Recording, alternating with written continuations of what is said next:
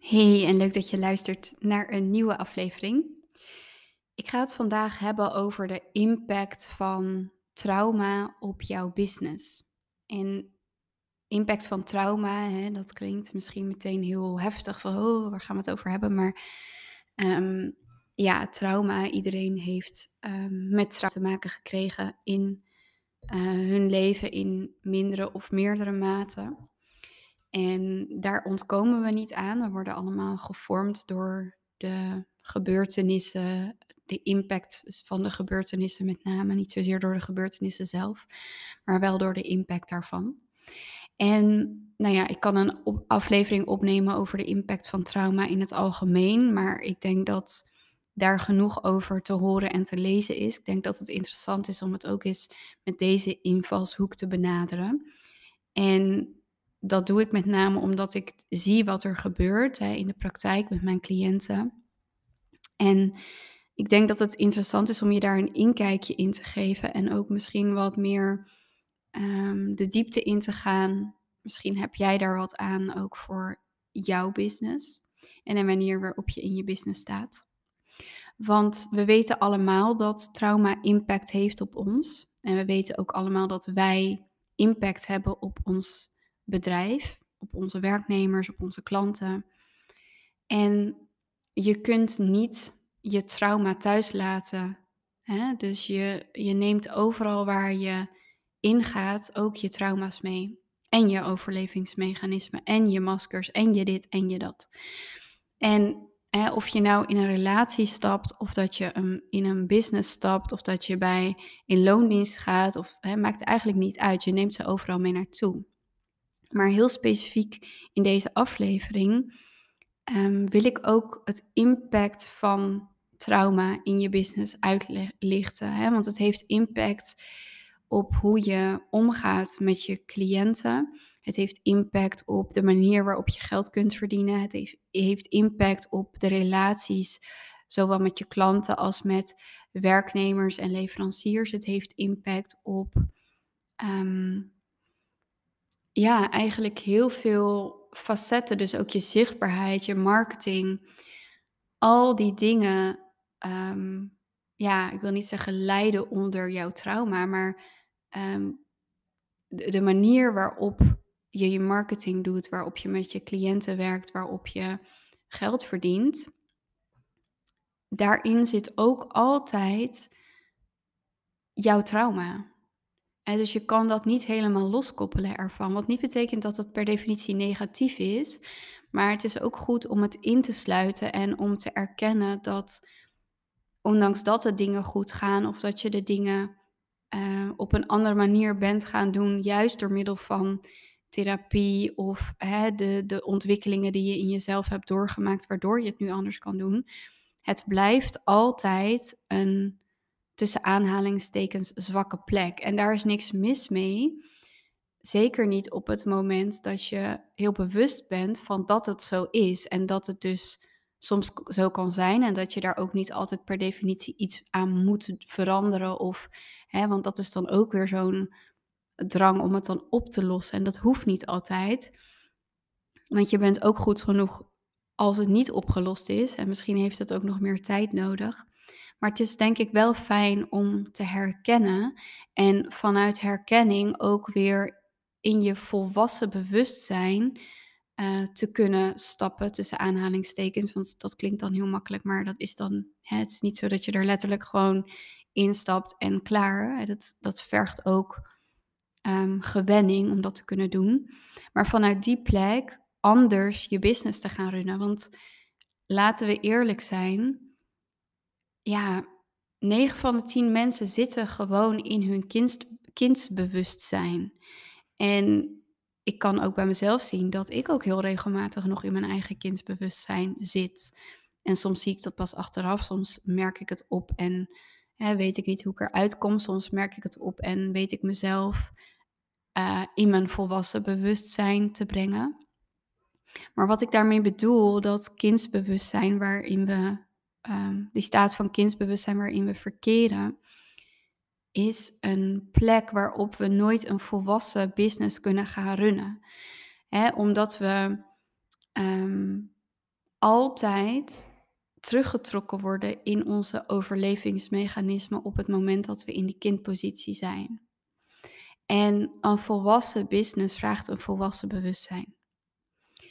Hoe uit dat zich nou in de praktijk, dat kindsbewustzijn? Nou, ik zal daar een aantal simpele en herkenbare voorbeelden van geven. Laten we starten met iets wat ik bijna elke dag hoor. Dat is de angst voor zichtbaarheid. Dus de angst om te gaan staan voor jouw visie, uh, om letterlijk zichtbaar te zijn. Of het nou is op social media of om voor een groep te spreken of, um, ja, of om een artikel te schrijven of een blog te schrijven of een podcast op te nemen. De zichtbaarheid is een thema die een, een thema wat heel spannend is. En dat heeft te maken met de angst voor afwijzing op het moment dat je in een angst voor afwijzing zit, zit je 9 van de 10 keer, misschien wel 10 van de 10 keer in een kindsbewustzijn. Want vanuit ons volwassen bewustzijn is die afwijzing eigenlijk helemaal niet zo boeiend. Die afwijzing is wel boeiend op het moment dat we onbewust een afhankelijkheid ervaren. Dus dat we afhankelijk zijn van iets externs om ja, erbij te mogen horen, goed genoeg te mogen zijn en dus te kunnen overleven. En dat klinkt heel extreem, maar dat is wat er in die onderlaag gebeurt. Hè? Dus om weer even terug te gaan uh, naar de basis van, uh, van het therapeutisch werk, ook wat ik doe met mijn cliënten. Als kind zijn we volledig afhankelijk van onze ouders voor veiligheid, voeding, et cetera, et cetera. Um, en op dat moment is het dan dus ook heel belangrijk om goedkeuring te ontvangen van onze ouders. Hè? En op die manier stellen we onszelf veilig. Want als we ons niet aanpassen aan die verwachtingen van onze ouders, dan kan het zo zijn dat we misschien wel verstoten worden. Hè? Dat is onze grootste angst. Dus ook al is dat misschien geen realistische angst, um, de consequenties die eraan zouden zitten zijn zo dermate groot voor een klein kind, dat een kind al per definitie um, zich aanpast op zo'n manier om gewoon altijd veilig te zijn. En um, in sommige gevallen uit dat zich wat anders, maar in de meeste gevallen uit zich dat tot aanpassingsgedrag. Maar ook tot een mechanisme wat we ontwikkelen waarin we heel erg gericht zijn naar buiten toe. Dus zeker als we opgroeien in een onveilige omgeving of in een omgeving waarin dingen onvoorspelbaar zijn, um, dan is het heel sterk, uh, of dan, dan wordt dat vermogen om te focussen op externe factoren heel groot en bijna ook het allerbelangrijkst. En dan kun je helemaal teruggaan naar van waar ligt dan de oorsprong. Dat vind ik nog niet zo heel relevant. Wat ik wel relevant vind is hoe uit dat zich, hè, hoe uit die drang uh, naar veiligheid zich op dit moment in jouw leven en dus ook in jouw business. Want schijnbaar is het thema zichtbaarheid gelinkt met onveiligheid, namelijk afwijzing.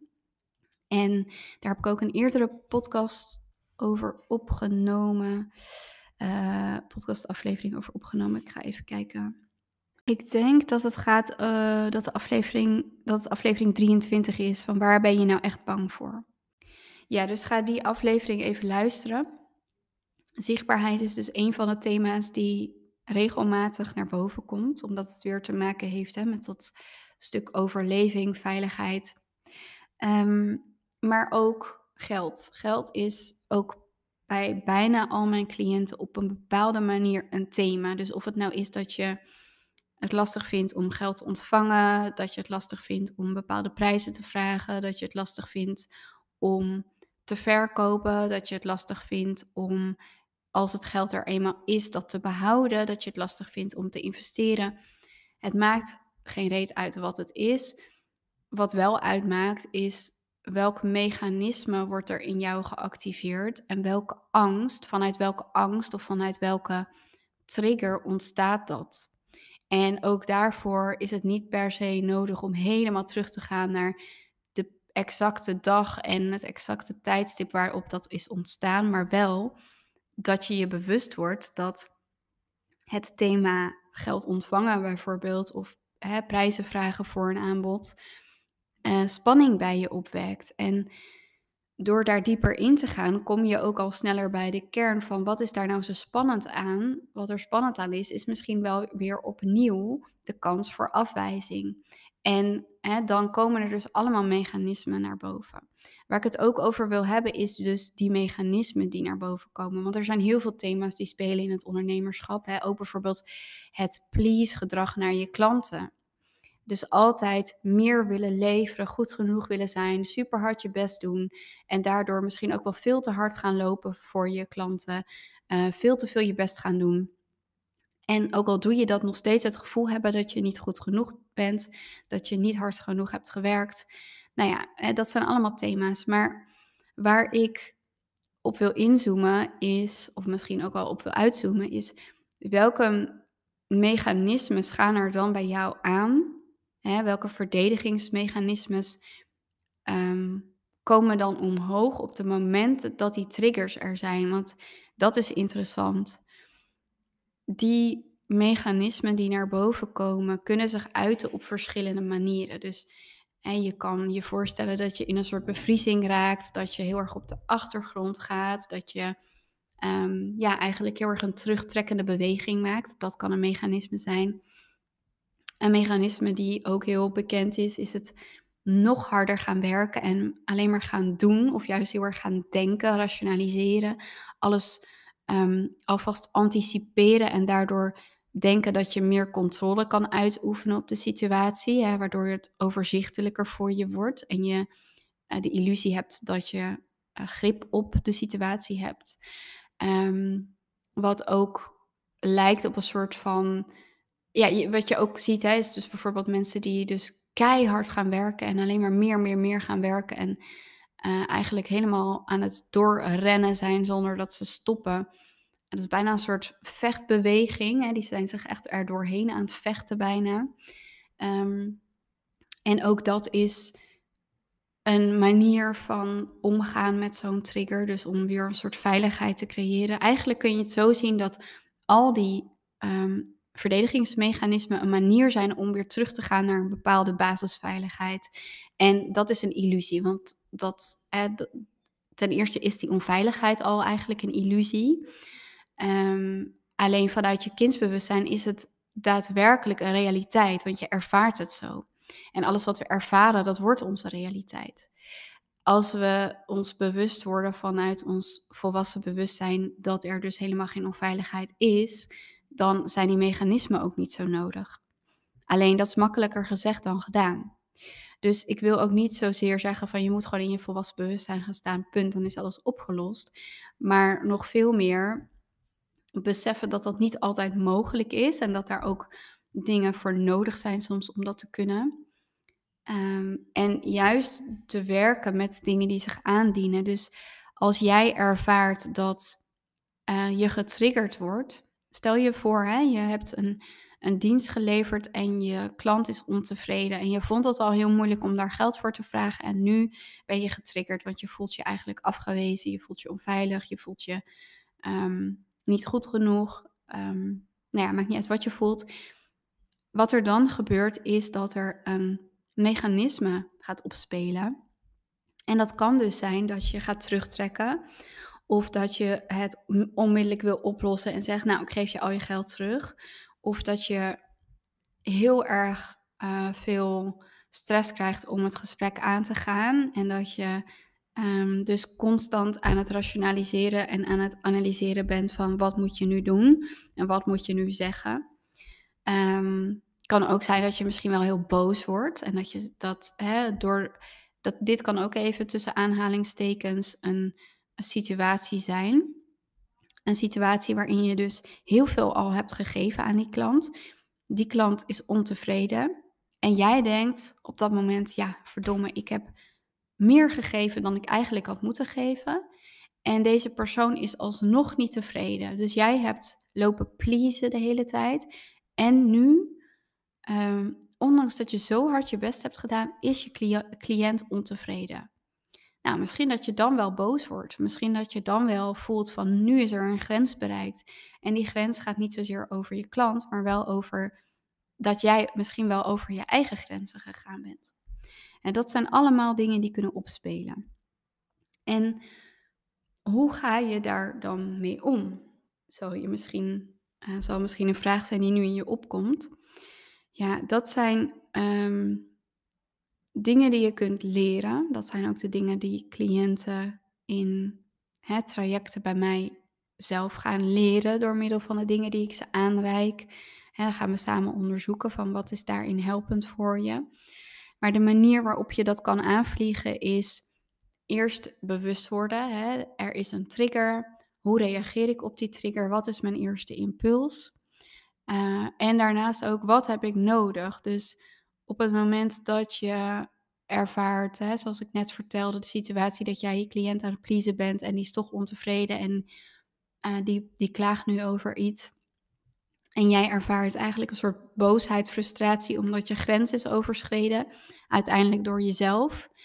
Um, dan is het goed om, om dat te erkennen. Op het moment dat je dat kunt gaan erkennen en kunt gaan zien, kun je dus ook verantwoordelijkheid gaan nemen voor de situatie. Namelijk um, dat je wel degelijk genoeg hebt gegeven in jouw ervaring. Um, en dat er dus ook geen probleem is, maar dat je het, ges het gesprek met de ander aan kunt gaan vanuit die volwassen positie. Um, hè, dus niet vanuit, oh, ik heb iets fout gedaan, help, wat moet ik nu doen? Hoe kan ik het goed maken? Maar veel meer van mens tot mens. Oké, en, en ook wat zakelijker misschien wel. Van hey, ik hoor dat jij ontevreden bent. Zou je mij uh, kunnen teruggeven, um, feitelijk gezien, hè, wat, is, wat is het precies waar je niet tevreden over bent en hoe had je het anders willen zien? Dat gaat puur over inhoud en niet zozeer over dat jij dus overdelivered hebt vanuit je please gedrag. Uh, of dat die ander in een trigger zit, maar gewoon heel erg vanuit um, volwassenheid en feitelijkheid handelen, zodat jij feedback krijgt en dat jij weer kan kijken wat je daarmee kunt doen. En dit is misschien heel, een hele rationele benadering, maar de, uh, de valkuil in dit soort situaties is ook om heel erg mee te gaan in je, in je emotie en alle randzaken erbij te betrekken. Van, maar jij zei eerst dat je het wel goed vond en uh, die dag had je nog uh, zelfs drie vragen aan mij gesteld terwijl ik op vakantie was. Weet je, dat doet er allemaal niet toe. Wat er wel toe doet, is dat je cliënt ontevreden is, dat jij daardoor getriggerd bent, dat je eigenlijk een oplossing daarin wil zoeken. En misschien kun je daar wel geen oplossing in zoeken, maar je wil in ieder geval uh, verantwoordelijkheid gaan nemen voor de situatie vanuit jouw kant. Dus ook voor het feit dat jij gepleased hebt. Dat is jouw verantwoordelijkheid. En hoe dit dan ook um, afloopt en welke uitkomst het dan ook heeft, eruit meenemen voor de volgende keer hoe je dat anders kunt gaan aanpakken. Hoe je dus al die please-mechanismen bij jezelf kunt gaan herkennen. En dat vraagt echt een, een bijna een soort zintuigelijke ontwikkeling van um, hoe kun je bij jezelf dat bespeuren dat je in een mechanisme zit, dat je in uh, je please gedrag vervalt, dat je in een passieve houding raakt, dat je, um, nou ja, maakt niet uit welke, um, welk verdedigingsmechanisme je belandt, maar dat je dat kunt constateren en dat je ook gaat leren hoe je je eigen zenuwstelsel kunt gaan kalmeren om ervoor te zorgen dat je weer in een volwassen staat kunt belanden en vanuit een volwassen staat verantwoordelijkheid kunt nemen voor de situatie. En soms betekent verantwoordelijkheid nemen um, hè, dat je tegen die klant zegt van joh, ja, ik, ik hoor je en um, ik vind het heel vervelend dat het zo is, maar ik heb op dit moment geen andere oplossing voor je. Of misschien is de verantwoordelijkheid nemen um, Misschien wel een confrontatie aangaan met je cliënt. Misschien is de verantwoordelijkheid nemen um, ook je eigen fouten erkennen en misschien wel zien dat er daadwerkelijk iets uh, gemist is in wat je hebt opgeleverd en een deel van het bedrag, bedrag terugbetalen. Ik heb geen idee wat uiteindelijk verantwoordelijkheid nemen zal zijn in jouw situatie. Dat is ook situatieafhankelijk. Maar het is wel belangrijk dat je dat vanuit een neutrale positie weer kunt gaan doen. In heel veel gevallen is daarvoor nodig dat er wat tijd overheen gaat.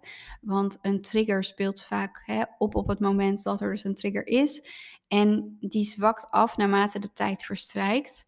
Die kan eventueel weer opspelen als er weer nieuwe impulsen komen. Maar meestal, hè, de dag zelf, is het gewoon heftiger dan de week erna. Dus het is ook goed om te beseffen dat op het moment dat je heel hoog in je emotie zit, dat het belangrijk is om die emotie door je heen te laten gaan. Um, misschien een manier te vinden om die te ontladen die jou helpt. En dat kan zijn door bewegen, het kan zijn door uh, zingen, schreeuwen, um, wandelen, uh, bepaalde ademhalingsoefeningen, wat dan ook voor jou helpt. Hè. Dat is ook aan jou om daar een weg in te vinden. En op het moment dat je eigenlijk weer heel dicht bij jezelf bent en dus ook in een neutralere positie en meer op een uh, kan uitzoomen en van een afstand de situatie kan zien zonder dat je gedissocieerd bent, maar echt vanuit geankerdheid, volwassenheid daarnaar kan kijken, dan is er ook het moment dat je verantwoordelijkheid kan nemen. En om jezelf daarbij te helpen, zou je dus ook tegen de ander in dit geval, hè, of het nou een cliënt is of je partner of een leverancier, kunnen zeggen: um, Ik merk dat ik getriggerd ben. Ik merk dat ik het lastig vind om hiermee om te gaan. Ik heb even wat tijd nodig. Ik kom donderdagmiddag bij je terug, of ik kom volgende week bij je terug, of ik kom over een uur bij je terug. Hè, dat zijn manieren om jezelf de ruimte te geven om jezelf te reguleren en vanuit die ehm, ja, uiteindelijk meer neutrale plek waar je dan in komt, weer volledige verantwoordelijkheid terug te pakken. En wat ik heel vaak zie gebeuren is hè, dat je in, dus in die kindpositie uh, gewoon niet in staat kunt zijn om op een constructieve manier een oplossing te vinden of verantwoordelijkheid te nemen. Want verantwoordelijkheid nemen is in mijn ogen de oplossing de oplossing is niet zozeer dat dingen opgelost worden. Soms is het gewoon niet mogelijk om iets op te lossen. En dan heb je ook daar verantwoordelijkheid voor te nemen. Maar nou ja, misschien kun je nu, nu je dit hebt gehoord, ook wel bij jezelf nagaan. Wat zijn de momenten waarop ik getriggerd word in mijn business? Is het als ik niet genoeg omzet draai? Is het als ik kritiek krijg op social media? Als ik kritiek krijg van mijn klanten? Als ik kritiek krijg van mijn omgeving? Als ik naar buiten wil treden? Als ik um, voor mezelf op wil komen, als ik grenzen wil stellen met mijn klanten. Uh, nou ja, maakt niet uit welke situaties het zijn, maar ga maar eens bij jezelf na. Wat zijn de dingen die mij triggeren? En het is ook goed voor jezelf om dat gewoon goed te weten en te herkennen. Dat is echt al het halve werk, denk ik. En als je met mij werkt, dan zijn dit ook de dingen waar we naar gaan kijken. Um, en dan stimuleer ik je ook om om echt in jezelf te gaan onderzoeken hè, door bepaalde therapeutische uh, benaderingen, maar misschien ook door coaching, om echt te gaan kijken wat kan ik mezelf hierin geven om in een staat van volwassen bewustzijn verantwoordelijkheid te gaan nemen voor mijzelf en dus ook voor mijn business. En in heel veel gevallen gebeurt dat niet omdat de trigger ervoor zorgt dat we in een overleving schieten. En die overleving helpt ons op lange termijn niet. Op korte termijn geeft dat ons een soort verlichting of een oplossing. En op lange termijn zorgt het ervoor dat we constant blijven in deze patronen. Wat je eigenlijk wil is um, niet zozeer van die triggers of die overlevingsmechanismen af, maar weten en leren hoe je daar op een volwassen manier mee om kunt gaan. En ook weten dat dat niet altijd kan en dat je ook daar acceptatie en erkenning op kunt hebben. Dus dat is wat ik wil meegeven in deze aflevering. Dus eh, conclusie is dat trauma, en wat het dan ook geweest is, want ik ben nu niet zozeer ingegaan op de oorzaak, omdat ik, ja, weet je, dat zijn dingen die heel persoonlijk zijn en die je in uh, een traject met mij kunt en mag gaan onderzoeken. Hè. Daar, daar uh, kan ik je zeker bij helpen, daar heb ik heel veel ervaring mee. Maar mijn ervaring is ook dat het niet zoveel boeit wat het nou is. Want bij de een is het jarenlange traumatische ervaringen hè, van mishandeling en wat dan ook. Ehm, en bij de ander is het een trigger die, of een, hè, een trauma wat is ontstaan uh, tijdens een, een zwemles toen ze vijf waren. En uh, bij de ander is het een opmerking van oma die eens een keer iets zei. Het maakt in essentie niet uit wat het is. Feit is wel dat de situatie impact heeft gehad op jou en dus ook dingen in jou heeft aangewakkerd, dus een overlevingsmechanisme in jou heeft aangewakkerd. En bij dat overlevingsmechanisme ontstaan ook weer maskers. Nou, daar zal ik het een andere aflevering over hebben. Die ervoor zorgen dat jij veilig was op dat moment en je veilig kon houden als kind zijnde. Maar die in, op dit moment in jouw business ook belemmeren.